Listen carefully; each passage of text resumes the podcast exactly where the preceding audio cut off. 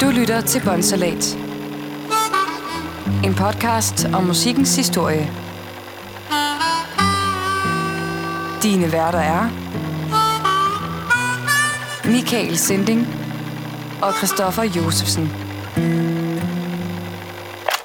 Du er lidt selvglad, når du sidder og peger på dig selv i introen. Ja. og Christoffer Josefsen. Lige. Mor. Ja, det er så mig. Ja, lige præcis. Jamen, øh, velkommen til. Og godt nytår, og glædelig baghjul. Ja, lige præcis. Ja. Det, Så nåede vi der til. ja. Ja. Øhm, vi, vi, det, det er dig, der har en historie med. Ja, igen. Igen. Øh, og øh, jeg ved jo ikke, hvad vi skal høre, men jeg kan da skænke os en kop øl. Gør det. Øhm, øhm, Det er, ja, fordi jeg har faktisk øh, ikke vil fortælle dig, hvad vi skulle snakke om i dag. Mm. Fordi jeg vil godt lige vente med at afsløre det. ja, det kan jeg forstå. Du har været hemmelighed, hemmelighedsfuld. Ja, også i den grad. Uh, det er en god lyd. Ja. Det er næsten lige, som god, lige så god en lyd som Kokjo. Ja. Ej, den er næsten bedre, er det ikke det? Ja, det, jeg kan godt lide Kokjo. Jeg elsker Kokjo. Åh, oh, den er godt nok mørk. Hvad, hvad, hvad er det, vi skal have? Jamen, øh, vi skal have en, øh, en stout fra Kravlund Bryghus. Det hedder en havre stout. Okay, er det endnu en bryllupsgave? Ja, det er det. Så er der heller ikke flere øl. Nå. øh, Missimor, Ja. øh, som jeg jo giftede mig med, Mm. hun, øh, hun drak en her den anden dag, som... Øh, altså, jeg havde godt luret på den, men jeg sådan, hver gang så har jeg sprunget over den, fordi at jeg har tænkt, øh, den, ej, det bliver lige en dag, hvor jeg ved, jeg ikke skal køre, fordi den, den var hissig. Ja, Jeg tror, den var på 11 procent, eller sådan noget. hvad er, det, hvad er den der på? Jamen, det er ikke slemt. Det, det er 5,8. Nå, nå. Så det, Så kan jeg godt køre hjem på ja, den. ja, vi deler den jo. Ja, ja. Øh, men, men hun, øh, hun billede lige den, den der alene, og så lavede hun sig til at sove på sofaen. så. Men øh, så det er faktisk det sidste af bryllupsgaverne. Mm. Øhm, Så skal vi da skåle i den. Det er jo igen lokalt brygget. Apropos, øh, så, så har jeg også øh, mit eget bryg, der lige gærer det sidste færdigt. Mm.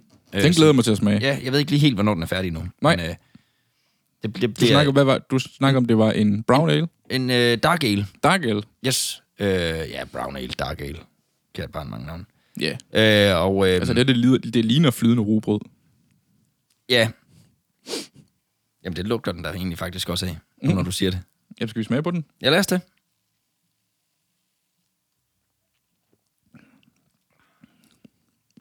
Mm, den, ligger, Ja, den- den ligger godt i munden. Den kan et eller andet, den der. Det kan den godt nok. Ja. Nå. Ja. Du er spændt som et lille barn Det er jeg. til juleaften. Ja. På, hvad vi skal snakke om i dag. Absolut. Øh, vi skal smutte øh, til varmere himmelstrøg. Det har været lidt koldt Ja. her i Danmark her de sidste stykke tid jo. Er det jo gerne på den her årstid. Ja, lige præcis. Vi skal et smut til Nine Miles, St. Anne, Jamaica. Okay. Øh, året er 1945, den 6. februar. Eller, der er lidt usikkert om, hvornår præcis. Men øh, der blev nemlig født et drengebarn øh, af forældrene. Noval Marley, som er en hvid kaptajn, officer fra den britiske øh, her. Mm-hmm. Den var jo koloniseret øh, Jamaica. Ja. Øh, faktisk langt op. Og hans mor, en sort kvinde ved navn Sendela Booker. Okay. Eksotisk. Øh, jeg ved godt, at det, der, det burde ikke have nogen betydning, at det er en hvid kvinde, eller en hvid mand og en sort kvinde. Øh, men det har det på det her tidspunkt, fordi altså, det er 1945, øh, så der er stadigvæk nogle, nogle, nogle raceproblemer øh, rundt omkring i verden. Ja. Øh, faktisk så meget, at øh, Noval, han, øh, han blev gjort afløst, fordi han gifter sig med en sort kvinde og får et barn med hende og alt muligt. Altså det, og han bliver helt, altså han bliver for, det er helt forkasteligt i hans familie, som så samtidig kommer fra en højrestående og velhavende familie. Ja. Øhm, men som sagt, jeg har jo helt glemt at fortælle dig, hvad det er, vi skal snakke om. Ja, jeg er stadigvæk spændt, hvor, hvor Ja. ender vi henne? Øhm, hvis du ikke har regnet det ud, så skal vi snakke om reggae-legenden Robert Nesta Marley. Ja, jeg tænkte nok, vi var på vej derhen. Jeg kunne næsten ikke komme i tanke om andre fra, fra det jamaikanske. Nej, og hvis det, nogen af jer ikke lige helt med på, hvad navnet er, så lad os bare sige, at han hedder også Bob Marley. Ja. Det er Bob. Det er Bob, ja. Vi skal snakke om Bob Marley i dag. Mm. Øhm, og lige for at vende tilbage til hans fødselsdag, så er der lidt usikker om, hvorvidt det nu er den 6. februar, han har fødselsdag. Altså, der står i hans pas, at han er født den 6. februar. Okay. Men på grund af de her øh, problemer, der er med, med hvide mænd og mørke kvinder, der får børn sammen og sådan noget, så har moren været bange for at registrere fødslen. Så hun Mm. mener faktisk, at det er to måneder tidligere, han er født. Mhm. Så tilbage i december måned. Ja. Og hun var simpelthen bange for, at det gav nogle problemer ved at registrere det, fordi at det jo lige der var en hvid mand, der havde et barn med hende. Ja, men det er jo skræmmende, at det skulle være... Men altså, ja, ja. Ja, ja, sådan, ja. sådan foregik det bare dengang åbenbart. Altså, jeg gik i klasse med en på et tidspunkt, øh, som, øh, som de, de var også kommet fra et andet land hertil. Mm. Øh, og, øh, og, og der har åbenbart også været noget miskommunikation omkring, øh, hvornår han egentlig var født, og okay. Okay. hvor gammel han var. Så de, øh, han blev lige et år ældre Mm. på dansk. Ah, det er lidt irriterende. Ja, altså dengang var det jo smart nok. Han fik jo, han fik jo øh, først lov til at købe bajer, og han kunne køre på knallert først. Og, øh, altså, Nå, så, der er det jo meget ja, smart. lige der, i den alder, der, der er det måske meget rart lige at Ja. være et år ældre. Ja, omvendt så kan man sige, når man, når man så egentlig holder 90 års fødselsdag, så er det måske også meget rart at vide, at det er faktisk først næste år. Ja. ja. Lave en missemø. Ja, lige præcis. ja, var det ikke 100? Jo, det tror jeg faktisk. Ja, det var 100, hun blev Ja, ja, ja. fejret af. Øhm, Marley og hans mor bor sammen i, et, i, i den barske del, øh, West Kingston Ghetto-området, øh, i hans barndom. Øhm, det er en, en form for skurby, der bliver kaldt for Tech Town. Okay. Øhm, vi vil nok kalde det for et socialt boligbyggeri, tænker jeg lidt øh, på dansk. Selvom vi ikke sådan, som sådan har nogle områder i Danmark, der er decideret slum. Altså for dem, der er sådan virkelig slum ude i den store verden, der Ja. tror jeg, man tænker, det er langt væk fra, hvad vi kalder fra socialt boligbyggeri. Der, er, ja. det jo, der er det jo nærmest bare skurvogn mm. klasket op af... Ja, det er bare man stålplader, der, Ja, lige præcis. der er banket op på nogle, Ja. ja. på nogle træstativer, skulle jeg lige til at sige. Men det er Øhm, sådan noget, han er vokset op i. det er sådan noget, han er vokset op i, ja. Okay. Det bliver tit sammenlignet med en åben kloak. Altså, Mm. så slemt er det, det område, han bor i. Ja, Det er så slemt, at man siger om det område, han bor i, at enten så dør du af din drøm, eller så kommer du højere op af din drøm. og det var egentlig helt smukt. Ja, et eller andet Ja, sted. eller, Ja, ja. En form for noget lidt poetisk måske. ja, ordene var poetiske. Ja, og det kan man jo så sige, det gjorde hans drømme. De fik ham jo op derfra. Ja. Og det her barske miljø, han, han, han opvokser i, er også det, der inspirerer til hans musik, øh, og hans måske faktisk lidt poetiske måde at skrive øh, sine sange på, øh, op gennem tiden Mm. med, med hans musik. Øhm, som barn, der bliver han beskrevet som en generet, øh, som værende meget generet og fjern. En, jeg ved ikke, hvordan man lige bedst skal forklare det. Øhm, Sådan lidt sky, måske. ja, faktisk nok, ja. Ja. Lidt sky. Øh, med, men med et opsigt, opsigtsvækkende blik. Mm. Altså, det, det, det er et blik, der fanger en. Øhm, og så havde han en utrolig hang til at læse håndflader. Sådan lidt spåkonagtigt, eller hvordan? Ja, måske, men det kommer måske ikke helt fra fremmed, fordi hans morfar er Bush-doktor. Øh, ved, du ved godt, hvad, hvad Ja, ja, ja. det er øh, ude i...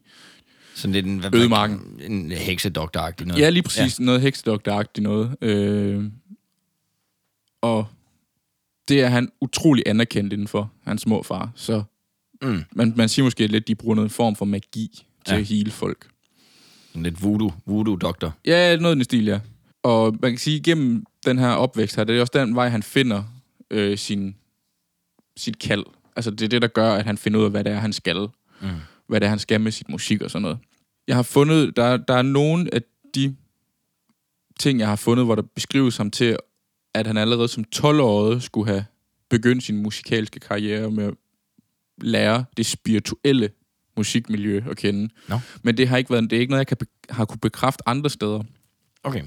Så, Så det, det, om, det, er på, på rygtebørsen. Ja, det er ja. det. Og det samme med, at han skulle efter sine skulle have sat ud for en, et helt bestemt øh, form for studie, øh, som havde en lille højtaler ude, der spillede alt det nu, nye, populære musik. Mm. Mm. Øh, der skulle han have siddet ude for en hver dag som barn. Okay, så han har grebet af musikken. Det, det er ja. I hvert fald det, rygterne ligger op til. Ja, lige præcis. Ja. Øh, jeg har, som sagt, det har jeg så heller ikke kunne bekræfte, mm. men det er noget, der er fremgået i en af de artikler, jeg blandt andet har, har læst. Okay. Vi kommer op i 60'erne, og her begynder øh, Kingston at f- lave sin egen form for musik. Øh, deres egen form for R&B, som er, som er, er meget mere stramt, tricky og intens udgave af det, vi kender som den amerikanske R&B. Øh, også en tendens til nogle gange lige at gå en lille smule offbeat. Okay, sådan lidt mere reggae-agtig. Den, er det måske der, hvor den... Ja, den, den, den er over i stilen af, af reggae, Ja. men, men he, ikke helt derovre endnu, fordi reggae er faktisk ikke opfundet endnu. Nej. Øhm, på det tidspunkt her, hvor de begynder. Og det minder, som sagt, lidt om den her amerikanske R&B, og en, måske en, en lille smule innovation af det amerikanske rock and roll og funk. Okay. Over i den stil, faktisk. Øh, og de bruger meget musikken til at formidle historier, og som der faktisk så pænt stod, der stod naboens moralske fejl, og overherrens øh, samfunds dobbelthed, Mm. altså dobbeltmorale. Ja, ja. Mange af teksterne, der, det kunne være kommentarer, der både var, kunne være kloge, men de kunne være nådesløse øh, i, i lyrikken Mm. allerede dengang. Det musik, Marley han begynder så, øh, at, at lave, havde et tempo til at bære en skarp, en virkelig skarp fremtoning og formål. Øh, og det bruger han det også til. Det bliver kaldt for ska, SKA. Ska, Ja. Skag eller skar. ska ja. Det er en, en, en indfødt musikform. Altså, det er det, de indfødte bruger mm. på Jamaica. Jamen, jeg tror, hvis man, øh, hvis man sådan har hørt jamaikansk musik, så tror Mm. jeg godt, man ved, hvad skar er. Ja. Altså, den, den, den har sådan en... Øh, ja, den har det der, som du er lidt inde på, den, mm. den har lidt af det der R&B, og så ja. rock and roll, og så måske reggae-rytmen i beatet. Ja. Altså, det er en lidt sjov ting. Jamen, den bliver nemlig beskrevet som værende sådan en R&B rock and roll. Jamen, den har Øh, sådan stil. en, en form for happiness over sig også, Ja. synes jeg, tit, den genre. Sådan, den, den, den, den har sådan lidt optempo. Ja, det har den. Øh, det, øh, altså, og det bliver betragtet som værende forstyrrende umoralsk for, for politikere, minister, aviser og sådan noget. Øh, det her... Øh, Nej, de var ikke fans, så. nej, det var de Nej, godt ja, nok det ikke. Altså, de, de, de, de omtalte det som værende skrald. Ja, okay. Øh, en farlig musik fra ghettoen, der var med til at give Root Boys øh, grund til vold. Root Boys er en street gang, der holdt til i området omkring, der hvor Marley han boede. Okay.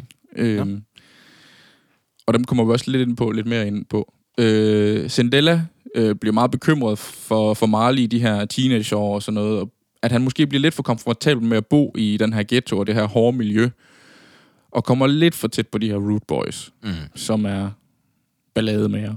Så mor er bekymret. Jeg er morbekymret, øh, som var faktisk også forkendt for at stikke folk ned i ghettoen og til de her skal øh, fester, de Mm. havde. De her dansefester, med, hvor de dansede og, og spillede musik med det her, den her Jamen, det giver da også festen et twist. Øh, lige lidt.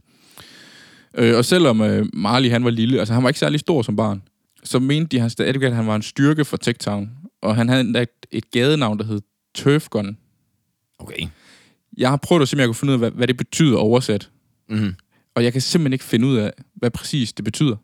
Nej, jeg ved det sgu ikke. Nej, og jeg har prøvet virkelig, og jeg har været inde og, jeg har været inde og kigge på jamaikansk, for at finde ud af, hvad betyder det. Og der kan jeg heller ikke finde noget. Nå, det kan være, det er en sammensat ting af et eller andet. Det tror jeg, jeg tror, det er forkortelser øh, ja. af et eller andet. Øh, men det er som sagt et gadenavn, og gadenavn giver ikke altid mening. Nej. Øh, for os, der ikke kommer fra gaden. Tough gun. Ja, yeah. måske. I don't know. Nej. Hvis du har et bud, så kan du jo skrive det til os. Ja.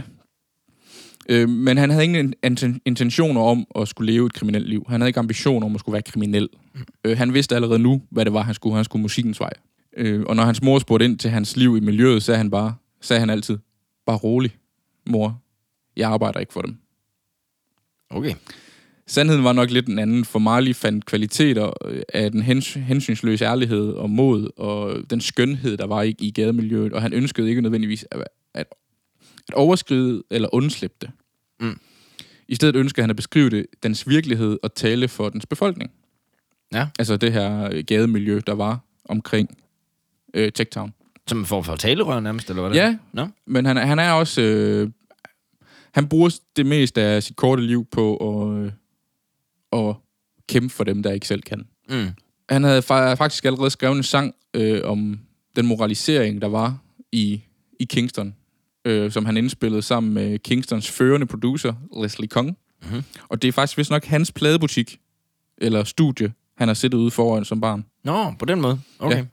Ja. Øh, de, den er udgivet i 63, samme år som Beatles og Bob Dylan gjorde deres musik gældende faktisk. Det er også det år, hvor Marley han, øh, han danner en vokalgruppe sammen med sin barndomsven øh, Neville Livingstone, som er søn af hans mors kæreste, øh, og senere bliver kendt som Bonnie Weller og Peter McIntosh, som er guitarist. Øh, Han forkorter så heldigvis hans navn til noget, der er lidt nemmere at, at udtale, så han kommer til at hedde Peter Touch.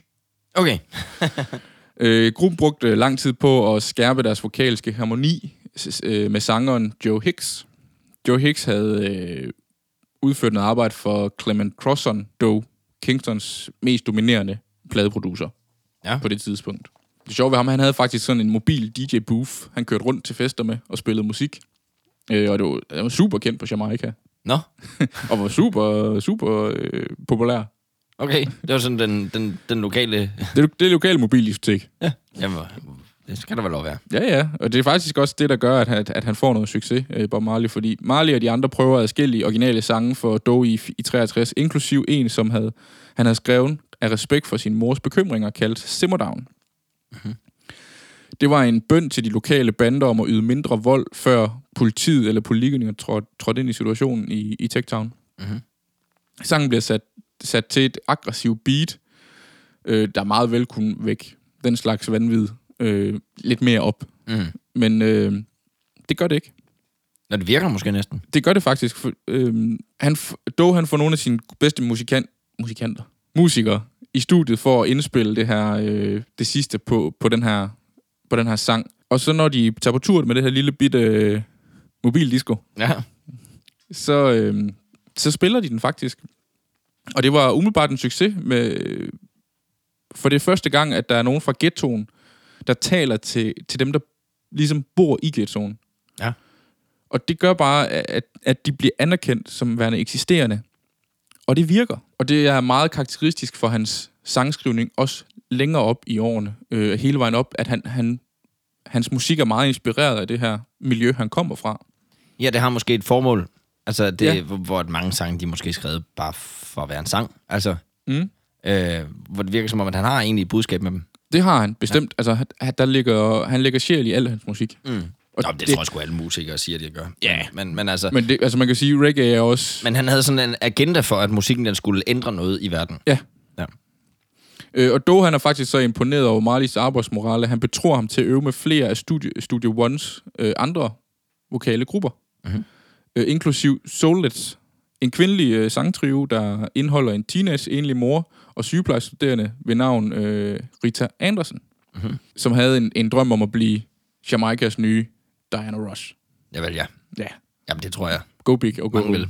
Ja. Marley han får øjnene, har på det her tidspunkt øjnene op for kvinder. Han kan godt lide kvinder. Han er rigtig glad for kvinder. Jo, men det er der jo mange mænd i verden, der er. Ja, ja, lige præcis. Øh, men han bliver faktisk tiltrukket af, af Rita Anderson, øh, og så især for hendes hengivenhed som mor.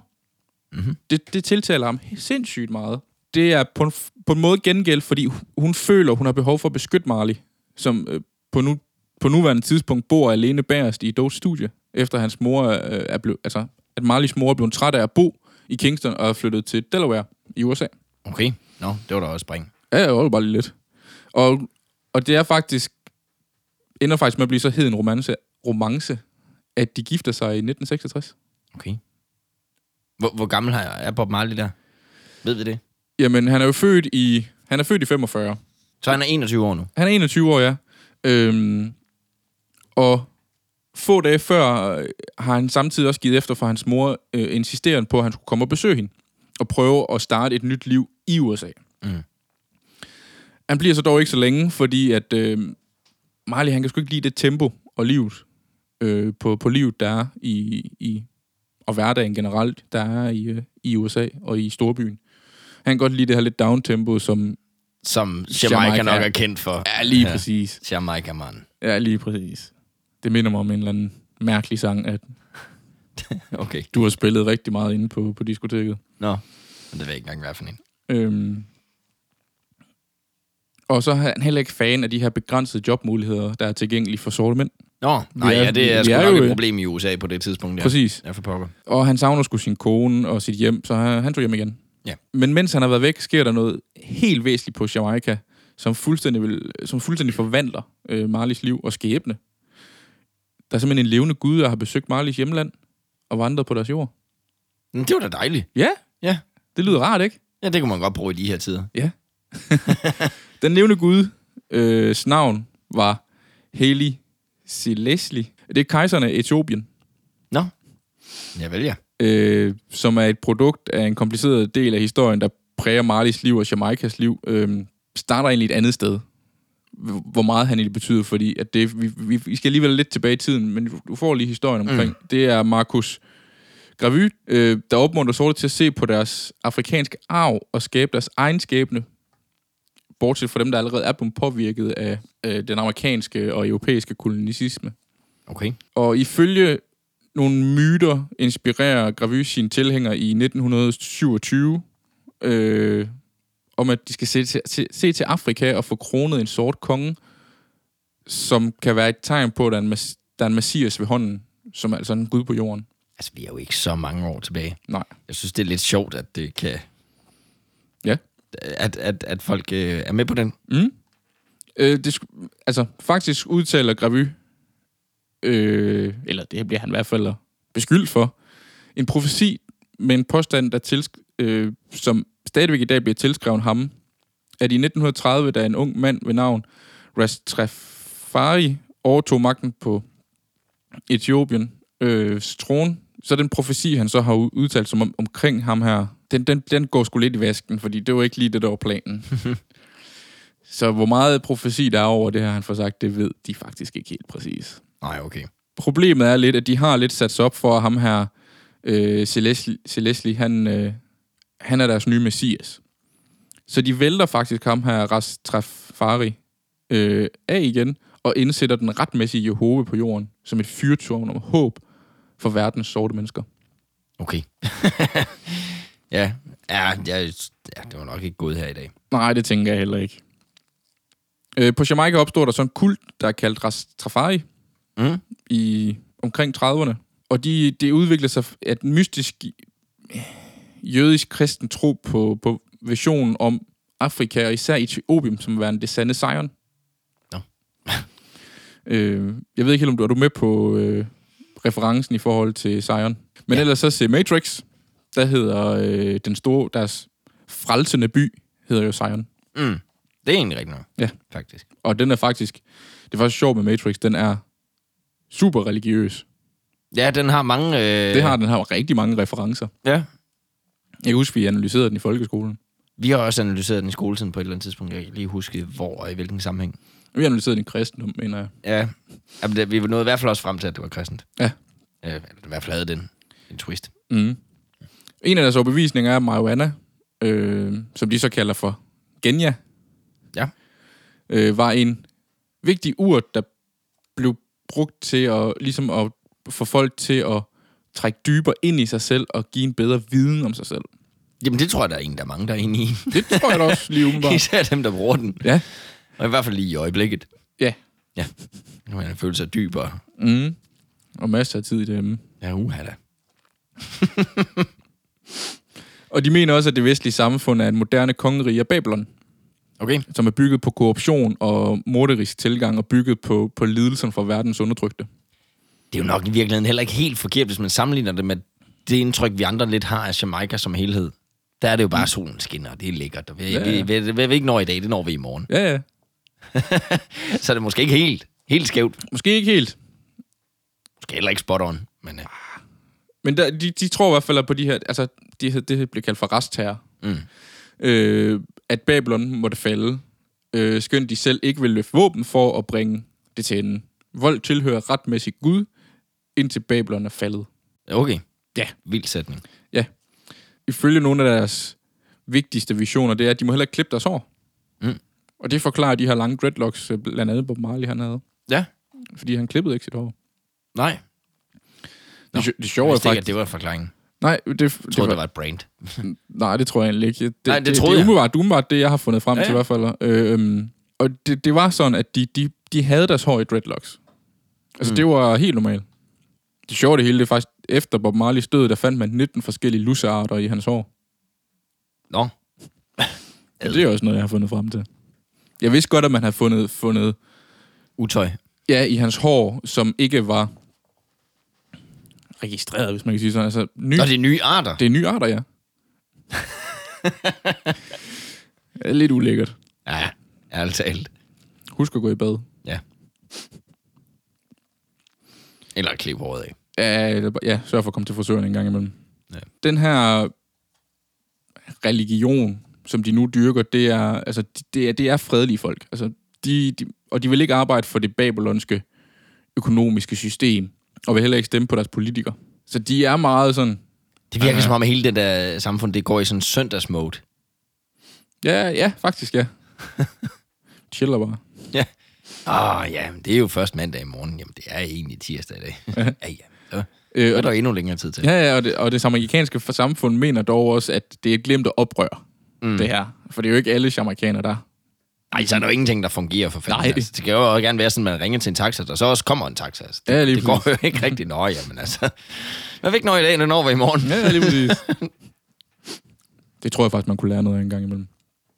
Mm. Øh, jeg tror, der var mange færre stresstilfælde, hvis man gik efter det. Ja, jeg går meget med det der. Jamen, det, mm. altså, det, det, det, det bliver i dag, så bliver det nok en anden dag. Så det, det kan jeg Ja. godt følge, men det er, altså, det er da også rart, når man så laver en aftale, at det så faktisk er en aftale. Ja, Øh, og især hvis det er, at man står og skal have, for eksempel bruge en taxa, mm. så vil det da være meget rart, at, at når man har aftalt, at det er om kvarter, han er her, eller hvad det er.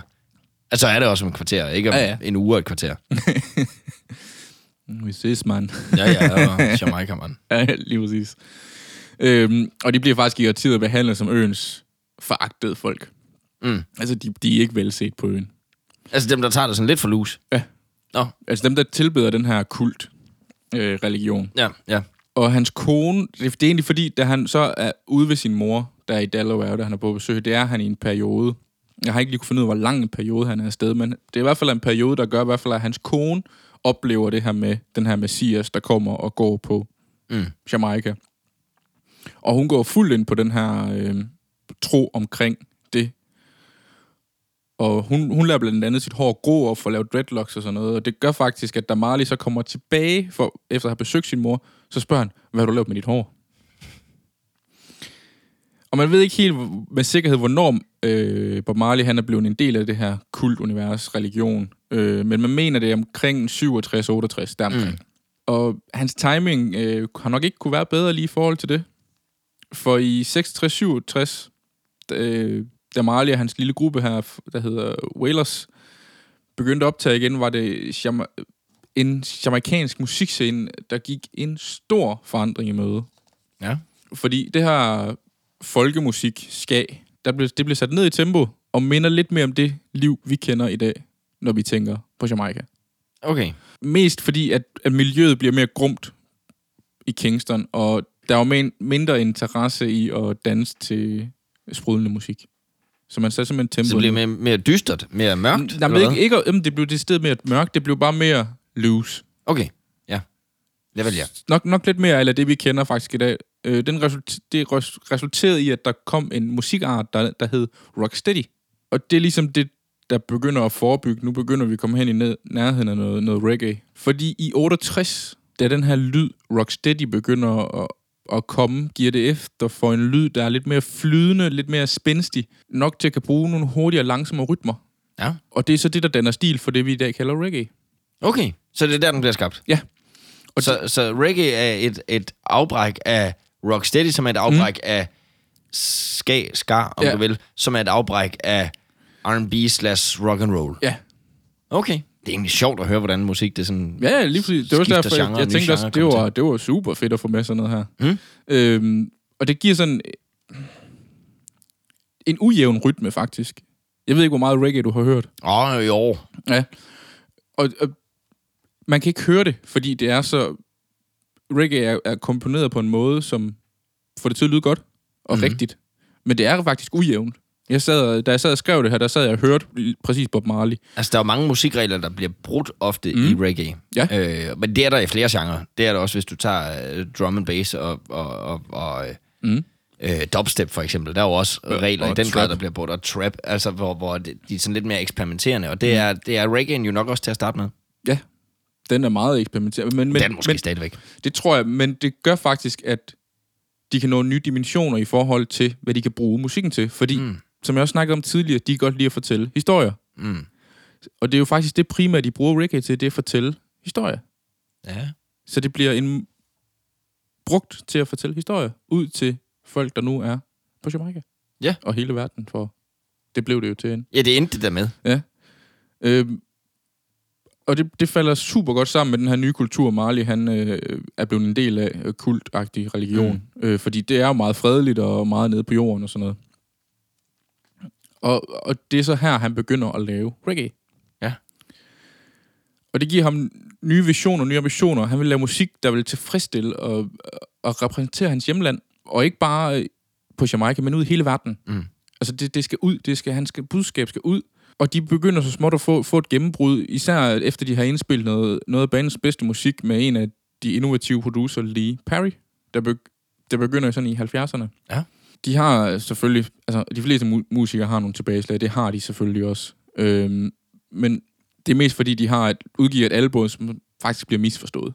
Nå, Øhm, pis. Ja. Og så får de så, en, de laver så en aftale med det, der hedder CBS. Øhm, som ligesom begynder, nu begynder der at ske et eller andet. Og det går så ikke helt så godt. Og det går ikke godt. Nej, det gør det sgu ikke. Fordi øh, den kunstneraftale, de laver, ender med at være fuldstændig uoverskuelig for dem. Nå. Så øh, Marley han tager fat i øh, den jamaikanske opdrag, Chris Blackwell, som er leder af Iceland Record i England. Mhm. Og Blackwell, han elsker jamaikansk musik. Han har hjulpet med at dispro- dispro- Distribuere. distribuere øh, reggae, inklusiv øh, deres musik. Nå. Bare ikke sådan, som... Det har ikke været pladeselskabet. Mm. Han Nej, har haft... det har en distru- udgivet, ja, de har givet det... Ja, lige præcis. Øh, i, I Storbritannien i årvis. Ja. Igennem øh, et, et trojansk pladeselskab. Altså Mm. et andet pladeselskab. Da de ligesom begynder at komme i snak med Blackwell, der siger han, den holdning, de gav, gav fra sig, var, den rigtige, var sådan rigtig oprørs. Mhm. Og Black, Black, uh, Blackwell, han bliver faktisk frarådet øh, og, og signe med dem. Nå. Fordi de har... Øh, de havde et ry for at have dårlig attitude. Altså selv Lee Perry øh, havde beskrevet dem som så stinkende og så uhøflige. Hvad, hvad han lige mener med stinkende, det ved jeg ikke. Men øh, Nej, men ja, ja. de har i hvert fald været rigtig uhøflige over for ham. Alligevel så gav øh, Blackwell bandet en, en, en pladekontrakt og bad dem om at lave en plade. Øh, og det ender faktisk i... Det resulterer i en plade, der hedder Catch a Fire, som er ufattelig skilsættende for dem. Det er den første he- helt sammenhængende reggae-album. Og det kaster, det kaster faktisk Bob Marley ind i en kunstnerisk store liga, ifølge mange kritikere. Okay. Det er et virkelig her. Det er simpelthen der, hvor han sådan har sit egentlige gennembrud. Ja, faktisk ja. Altså, pladen solgte marginalt, selvom Blackwell havde fået nogle rock touches, noget lead guitar, noget sjælfuldt keyboard indover. Men mm. det er stadigvæk et fuldt reggae-plade. Ja.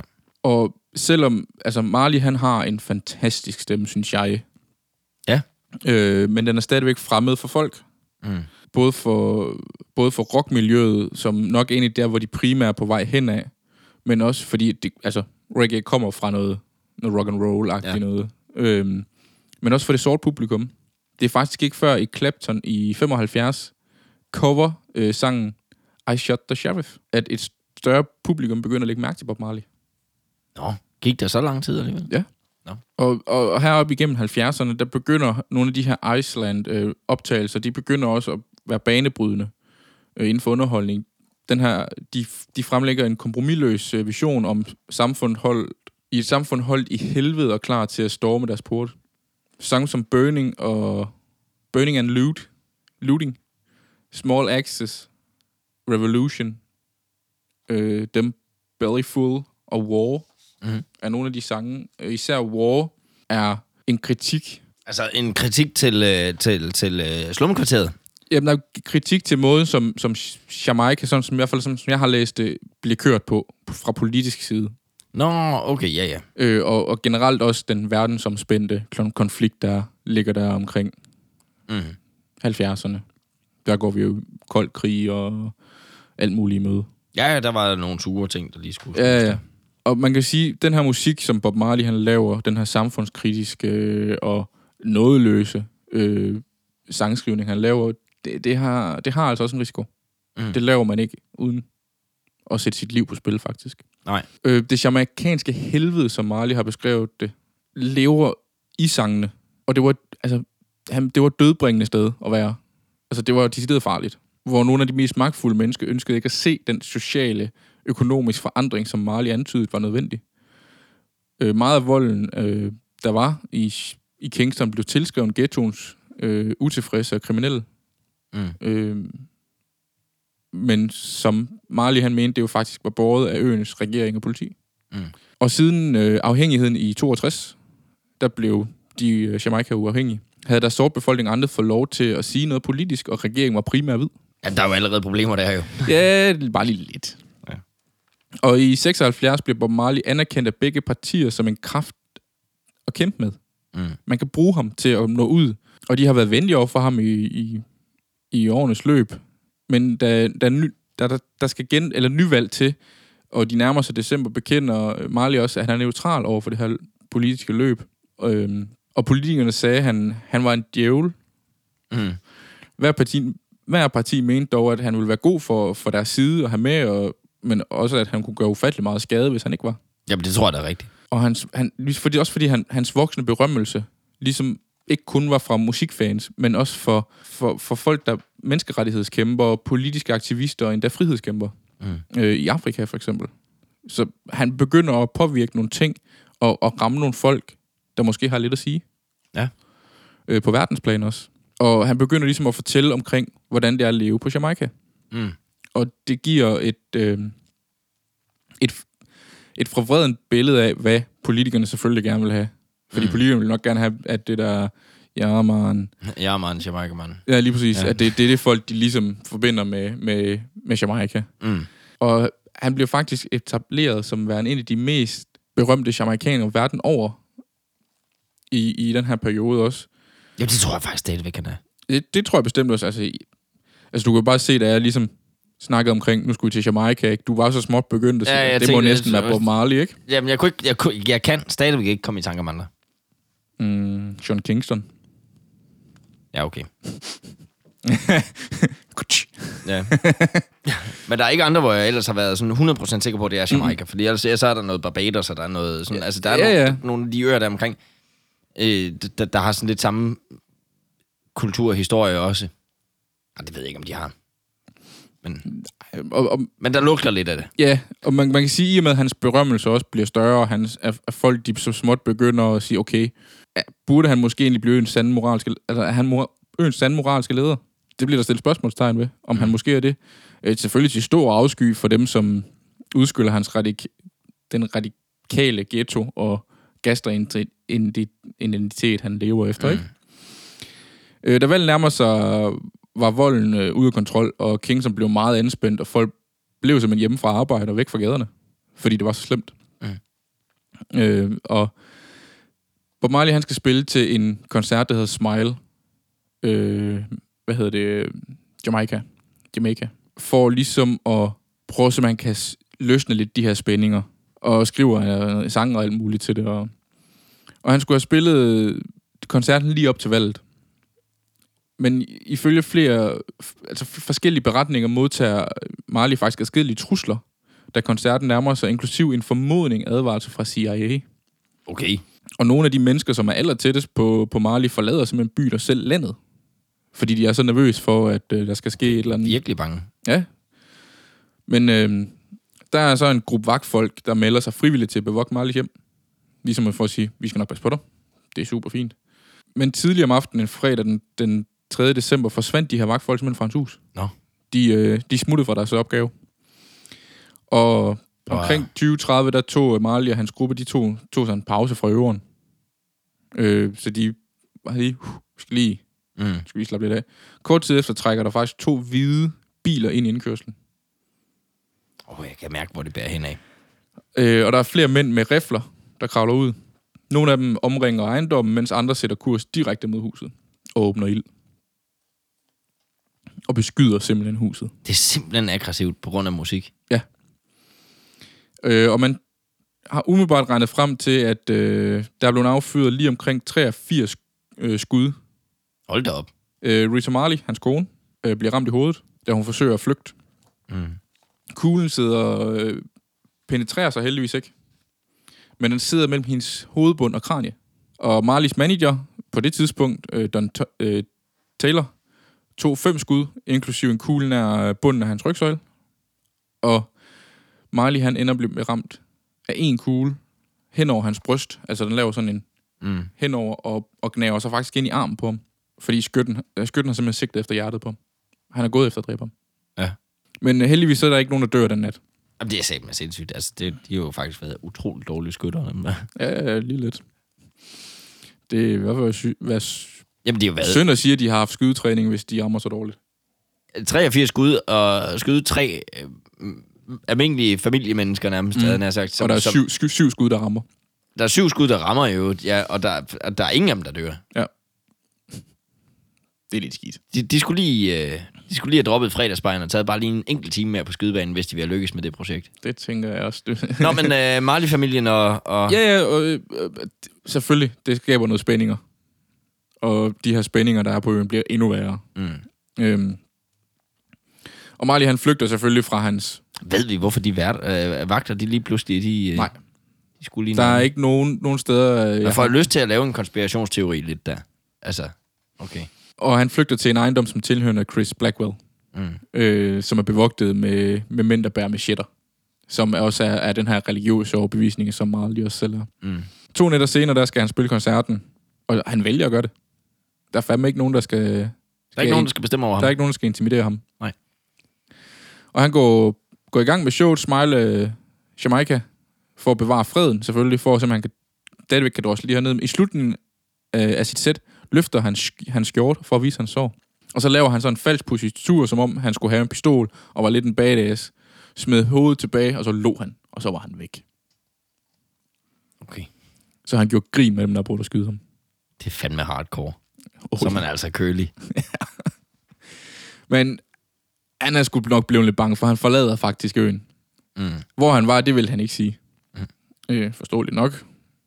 Øhm, han brugte senere tid på at besøge øh, noget amerikansk slægtning i Delaware og Miami, og rejste derefter til England, hvor Lee Perry introducerede ham for det britiske, et britisk punk, punkband. Punkband. Punkband, ja. Nå. Øh, Og i begyndelsen af 78 ville han øh, vende tilbage for at spille et andet show, der skulle forhindre Kingston i at eksplodere i krig. Og den 22. april ved One Love Peace Concert lykkedes det Marley at lukke begge formænd for de her to partier, som er... Rød totterne på hinanden. Ja, lige præcis. Øh, Den er faktisk næsten er i åben krig mod Mm. mm. hinanden.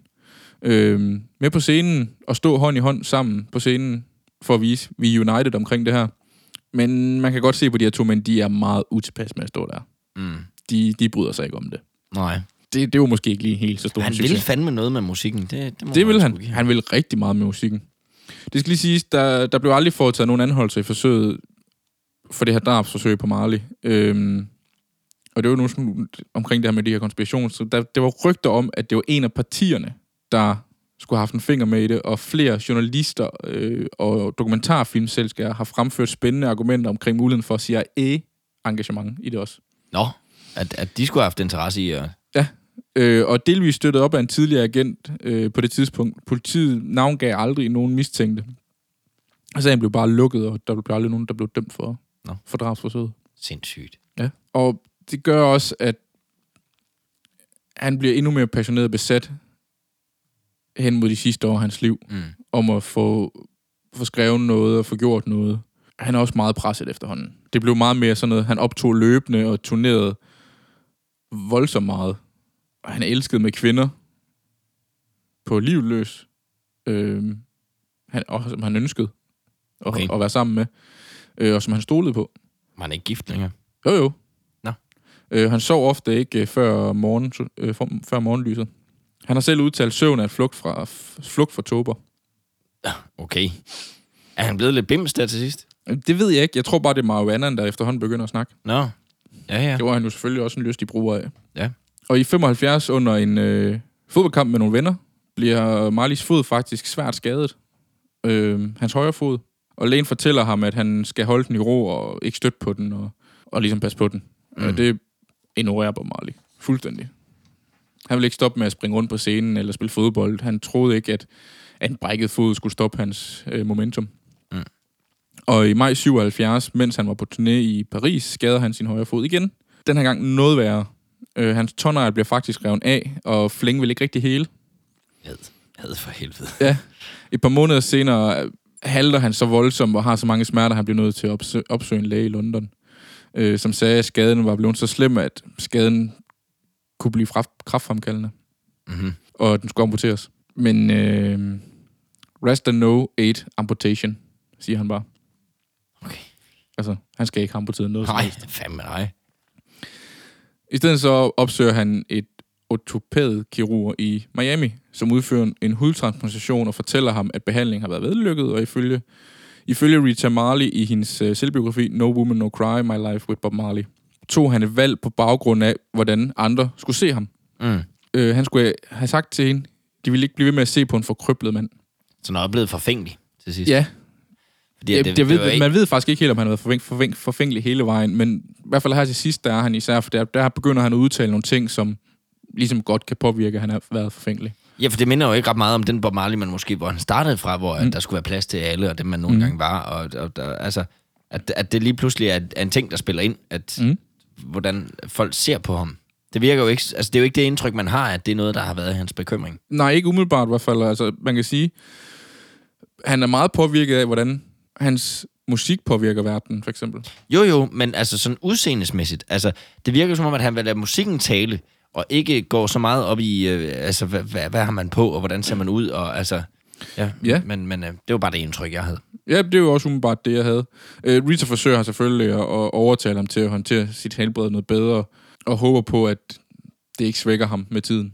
Mm. Cindy Breakspear, en tidligere jamaikansk Miss World, en af Marleys elskere i hans sidste år, opfordrer ham også, øh, opfordrer ham også til at, at tage problemerne alvorligt. Men han stiger hver gang og siger, vil du have, at jeg skal have kraft? Hvad er han så indminder med det? Ja, Øh, det er, det skulle efter sin var lige præcis det, han har sagt. Så, Nå. så han afviser øh, hjælp. Det er måske, fordi han har en blind tro på, at hans messier nok skal holde hånden over ham. Han har også udtalt i forhold til det her skyderi, der var, at det var fordi... Ah, han tror, han er udødelig nu. Nej, jeg ved ikke, om han tror, han er udødelig. Han tror bare på, at den, religi- den religiøse overbevisning, han har, holder hånden over ham og beskytter ham, fordi han ikke er færdig her på jorden med det, han skal være færdig med. Mm. Ja, ja. Og han ønsker heller ikke at få at vide, om der er noget i det her. Om det skulle have været kraftfremkaldende, øh, det her med, at han ikke har fået amputeret foden og sådan noget. I stedet for begynder han at koncentrere sig med, om at gøre hans liv mere meningsfuldt. Så det her, hvad man ikke ved, har man ikke ondt af, det lever han lidt efter. Ja, lige præcis. Ja.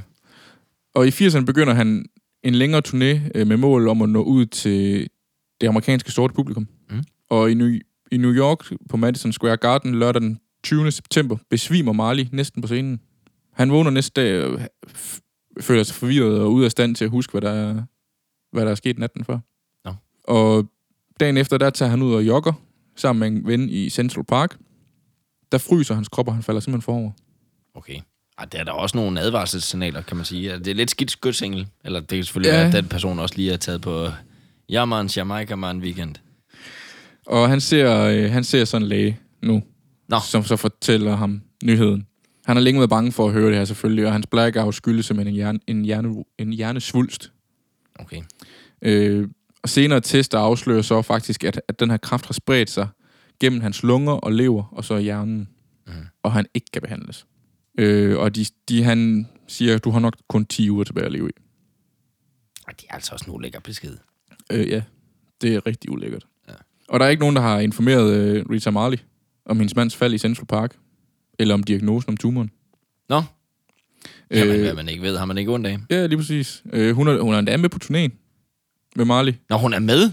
Ja, men i, en, i, en, i sin sædvanlige rolle som leder af, af den her harmonigruppe, de har, der følger med. Så de rejser faktisk hver for sig. Nå, okay. Øhm, hun så ham ikke før to dage senere, før det næste planlagt show i Pittsburgh. Og han så forbavsende ældre ud og tyndere ud end, nogle, end bare få nætter tidligere. Og, og da Marley ligesom giver nyheden, insisterer Rita på, at turen bliver aflyst med det samme. Men ifølge Timothy Whiters be- øh, beretninger, fik hun bare at vide, da Marley alligevel skal dø, så skulle de simpelthen fortsætte turen. Okay, hardcore. Ja, jeg tænker, så Marley går også på scenen i Pittsburgh og spiller hele sit show. Turen slutter der, Ah, det vil fandme også være mærkeligt andet. og han besøger en kraftklinik i øh, New York, Miami og Mexico.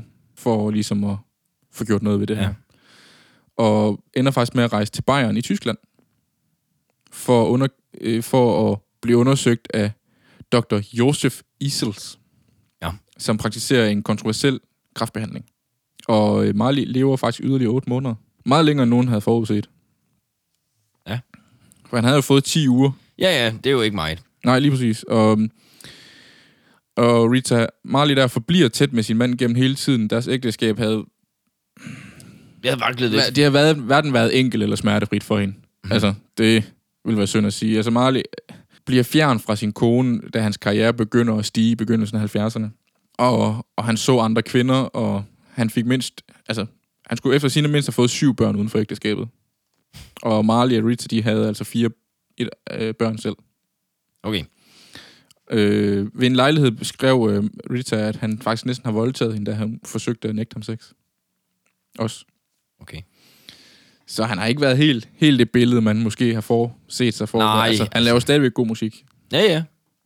Men, men der har nok været nogle riser i lakken. Ja, det lyder det til.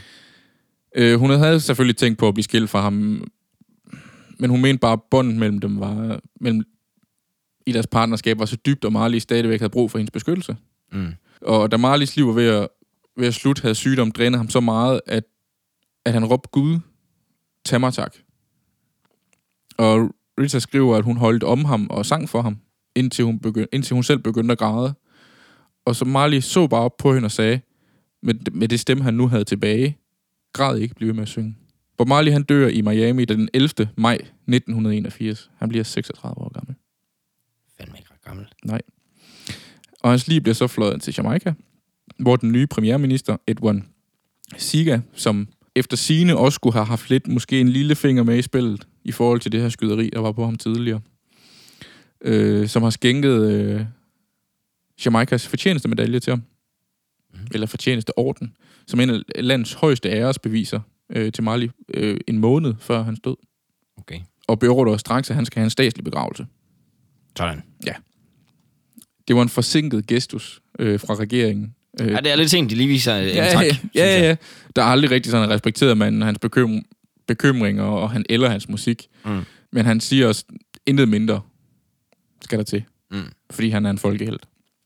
Ja, det indser de bare lidt sent. Øh, Lige sent nok, ja.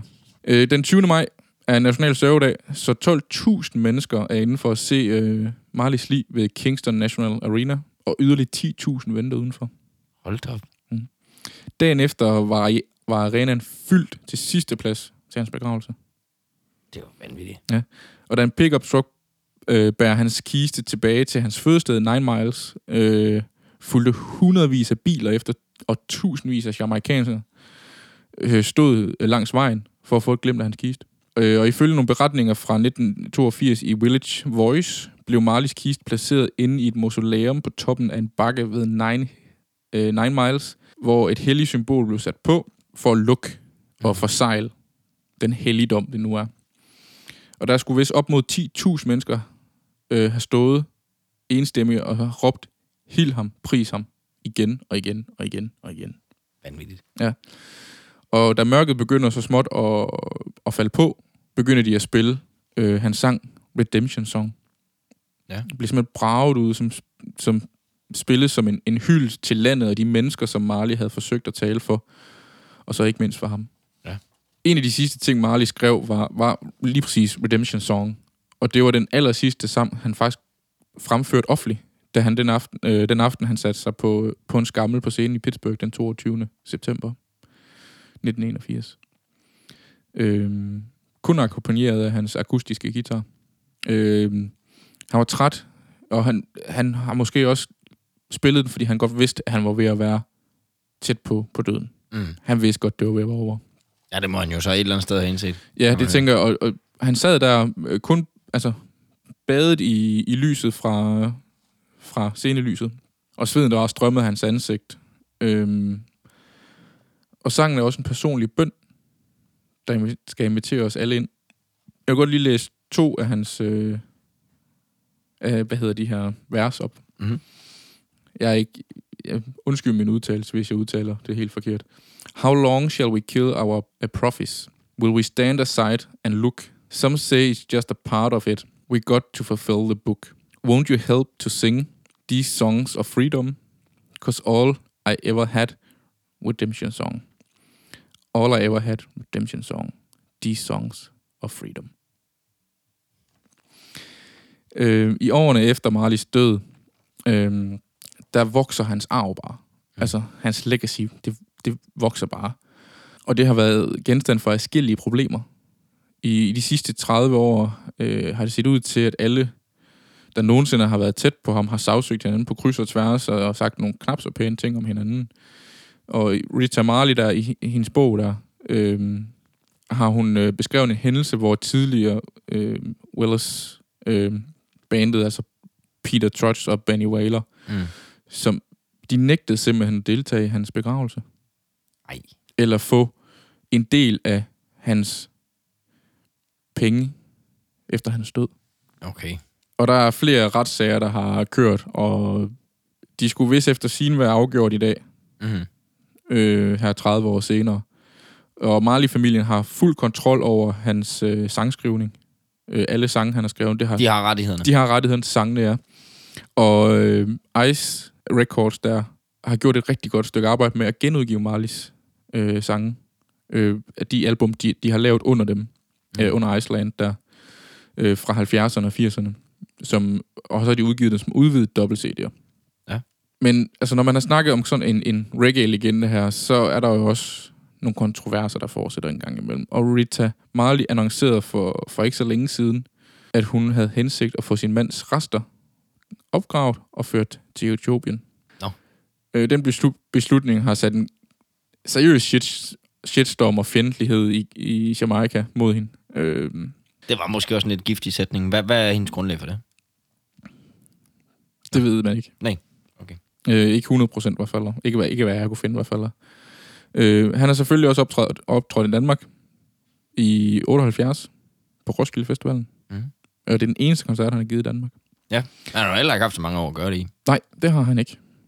Øhm, men det rejser jo selvfølgelig et interessant spørgsmål her til sidst. Hvem tilhører Marleys arv? Øh, ja, altså hans kone havde jeg jo tænkt. Ja, men også med hans, hans legacy. Hans, ja. øh, og sådan noget. Nå, ja, det ved jeg så ikke. Nej, det er. Jeg ved det heller ikke.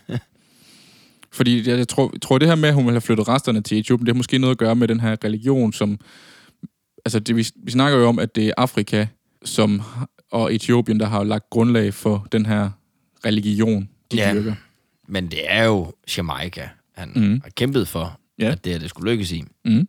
og lykkes for. Ja. Så det er jo nok Jamaica. Det vil jeg også mene, måske.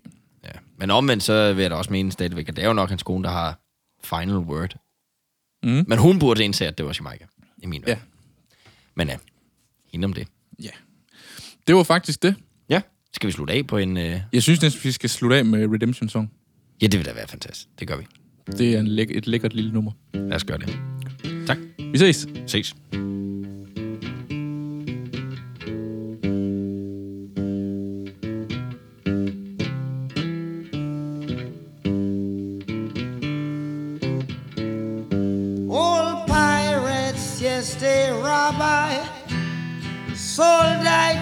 Merchant ships.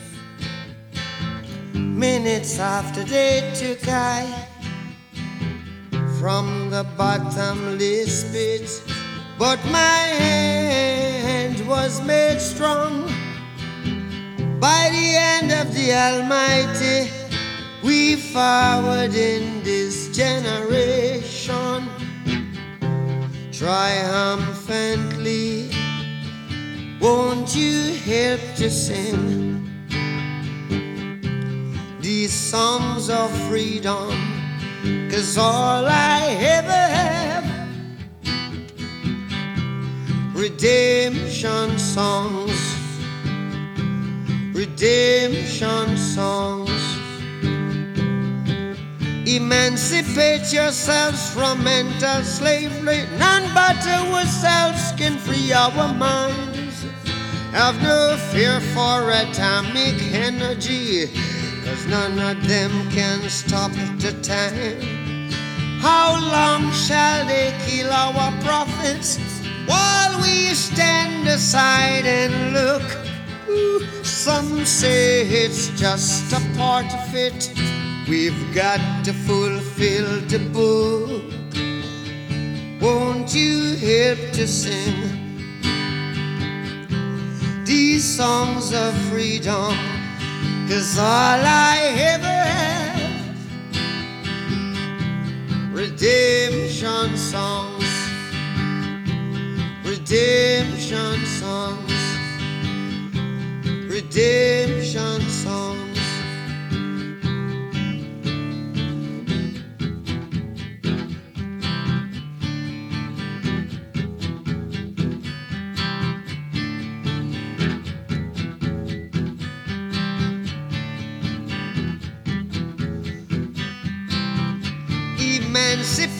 Yourselves from mental slavery.